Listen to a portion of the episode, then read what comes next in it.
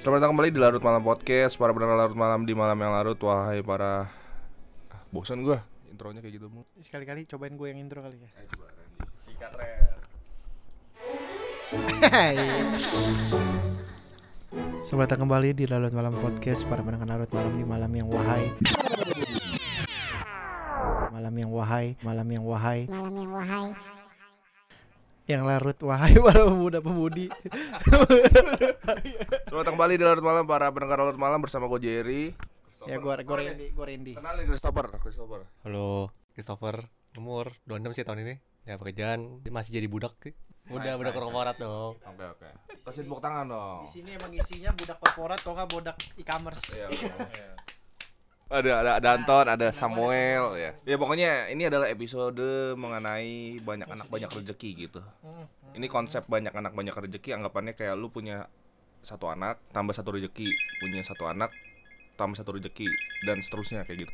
Rezeki yang di sini maksudnya adalah uang. Contohnya gini, misalnya kita buat cerita imajiner aja, biar nggak ada yang tersinggung. Takutnya kan kalau misalnya, iya. Walaupun ketersinggungan itu kita yang ambil sebenarnya Oh, offense is taken not given.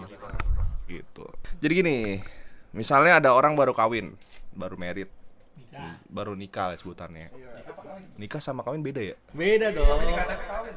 Emang coba top coba top apa? Nikah bedanya apa tuh? nikah sama nikah sama kawin apa top? bedanya apa? Bedanya. Kalau nikah dilihat banyak orang. Kalau kawin? Private. Iya juga ya. ini di KTP kawin Anjing ka- kawin dilihatin banyak orang, kucing kawin dilihatin banyak orang. lu ngapain sih Iya iya. Lu ngapain? Lagi jalan gitu dia di sembarangan di pinggir jalan. Ya berarti lu nggak beruntung. Di kawin Misalnya ada orang baru menikah nih dia. Tapi dalam ternyata kondisinya secara financially unstable gitu. Dan dia ternyata kebobolan. Kebobolan tuh gue perjelas lagi ya. Mungkin orang bingung kebobolan maksudnya gimana. Pendesak. Punya anak tapi ternyata yang tidak direncanakan gitu. terjadi karena faktor hubungan seksual pakai kontrasepsi Di sisi lain status pekerjaannya masih nyari. Terus akhirnya dia minjem sana sini, minjem duit buat lahiran biaya anaknya. Yang di mana antara emang mungkin ya disupport gitu. Mungkin bisa disupport, mungkin juga bisa nyusahin orang. Masalahnya kalau yang diminta bantuannya nolak kan bisa terkesan jahat ya. Seolah-olah kayak kita jadi ikut bertanggung jawab juga. Ibarat kata bagus kalau ngutangnya itu dibalikin. Kalau enggak gitu kan ya udah ikhlasin aja. Terkata orang kan nanti dibalaslah berkali-kali lipat Terus dinasehatin sama kerabatnya Lu gimana sih? Duit belum ada udah main buat anak aja lu Terus jawabannya gini ya biarin lah berkat rezeki mah ada aja nanti. Nah itu dia tuh. Biarin aja lah. Rezeki mah ada aja nanti. Ah udahlah nanti ada yang ngatur. Wah udahlah tenang aja cuma nanti cuma nanti harus datang sendiri. Di saat dia minjem duit tuh. Ini pertanyaan pertama dari gua Buat teman-teman yang ada di sini Buat teman-teman yang dengerin podcast Larut Malam. Percaya gak teman-teman sama kata-kata berkat atau rezeki Ya nanti ada aja Berkat atau rezeki udah yang ngatur Nah oke kita mulai dari Randy Percaya gua. Rezeki udah ada yang ngatur.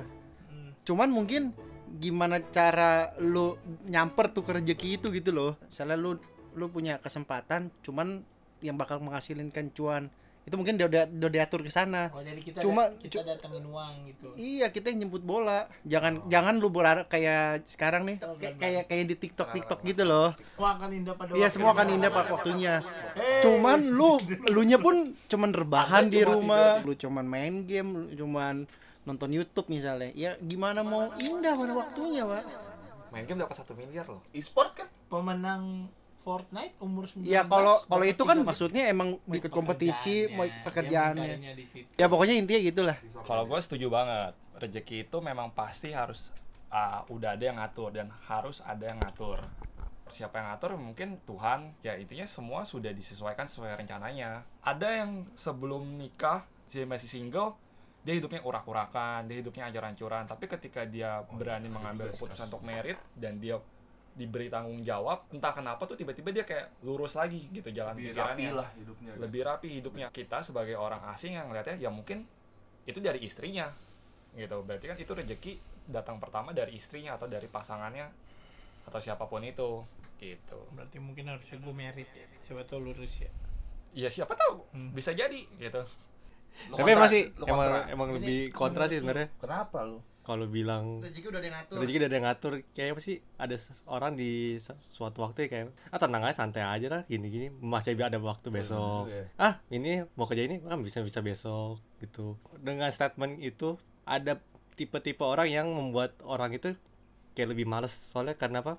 Iya. apa besok juga Jadi bisa. pembenaran. iya dijadiin pembenaran. Terus kalau misalnya kita mas masalah nanti malah bawa-bawa agama lagi. Misalnya kenapa udah sering berdoa gini-gini kenapa begini? Kenapa nggak dapat rezeki? Padahal sudah, sering berdoa setiap hari gitu misalnya. Padahal dari diri dia sendiri gitu.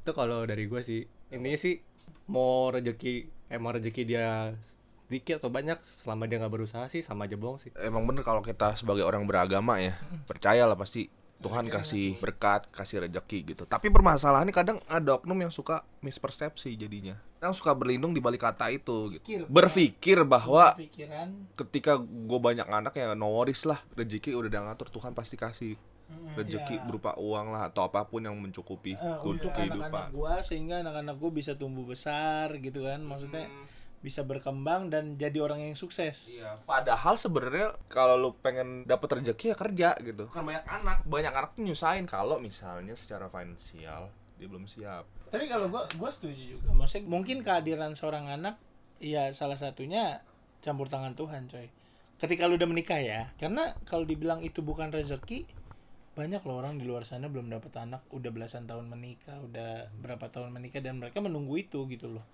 jadi kalau ketika dibilang anak itu rezeki tapi kalau dibilang sumber rezeki ya itu maksudnya bukan hal yang utama sih. Gue punya banyak anak rezeki gue banyak. Kalau dengan lu berharap kayak gitu lu malah kayak mencambuk anak lu bagai kuda yang kayak kuda di pasar-pasar malam tuh yang udah sampai liuran disuruh naik delman terus. Balik lagi ketika lu banyak anak banyak rezeki lu sebagai orang tua bener udah siap belum sih maksudnya lu sebagai orang tua bener siap gak ngedidik anak-anak lu buat jadi satu hal yang mendatangkan rezeki gitu Tapi anak itu memang membawa rezeki.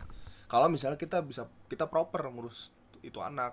Kadang orang mispersepsinya kalau banyak anak banyak yang rezeki. Padahal anak itu bukan alat investasi. ah Oh nanti nih buat ngurus gue di hari tua. anak itu nggak minta dilahirin bos ketika anak lahir itu menjadi tanggung jawab si orang tua untuk menghidupi anak nggak minta dilahirin nggak minta dihidupi. Dan itu menjadi tanggung jawabnya orang tua untuk nafkahin. Dan ketika sudah dewasa kenapa malah menjadi tanggung jawab anak untuk menghidupi orang tua? Memang boleh. Dan itu kan memang kita dididik untuk kita menghormati orang tua. Tapi bukan harus. Toh kita sebagai anak pasti akan respect dengan sendirinya kan?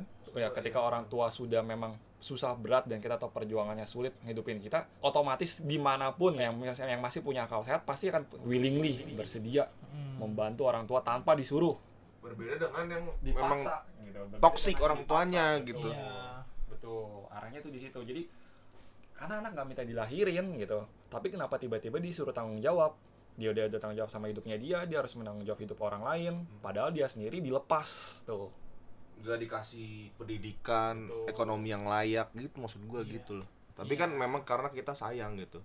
Ngerti gak sih? karena kan Nge-treat itu betul, balik, betul. sih? Kalau, Iya, kalau kita dihargai dengan baik, kita semua dipenuhi dengan cukup, otomatis pasti akan terbentuk di alam bawah sadar kita.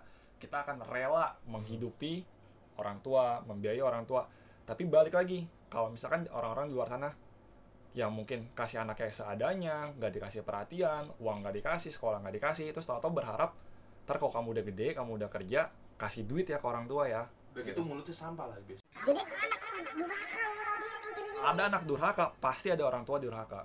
berarti lu percaya buah eh apel tak eh, apa buah tak ada Buah jatuh, jatuh. tidak jauh. oh dari tadi gua ngomong belibet ya Buah- Eh, buah jatuh maksudnya. Buah, buah jatuh tidak jauh dari nakal pohonnya. anjing emang teman gua orang tua nggak mau ngurusin anak apakah lu ber apakah lu yakin anaknya mau ngurusin orang tua tapi kalau an- orang tuanya menjaga anaknya baik-baik ngerawat baik-baik semua dipenuhi perhatian kasih sayang finansial Ya, ya, pasti baik. anaknya otomatis akan mentreat orang tuanya seperti itu mas cerminan orang tua anak cerminan Dari tadi gue mau nge-bridging ke situ tuh, seru Sat- banget. satu kalimat cuman powerful Christopher Muka lu ngomong dari tadi belepet-belepet kiri kanan kiri kanan kiri kanan tapi nggak ada meaningnya iya sekali Itu, ngomong maksud gua itu. anak udah intinya. cermin orang tua that's it itu yang dibutuhin ketika kita memutuskan untuk punya anak kita harus diharuskan ngetrit anak kita dengan baik gitu benar benar biar setuju. dia bisa hidup layak biar dia bisa dapat Ya. pendidikan yang layak Benar. gitu karena kita pure sayang gitu iya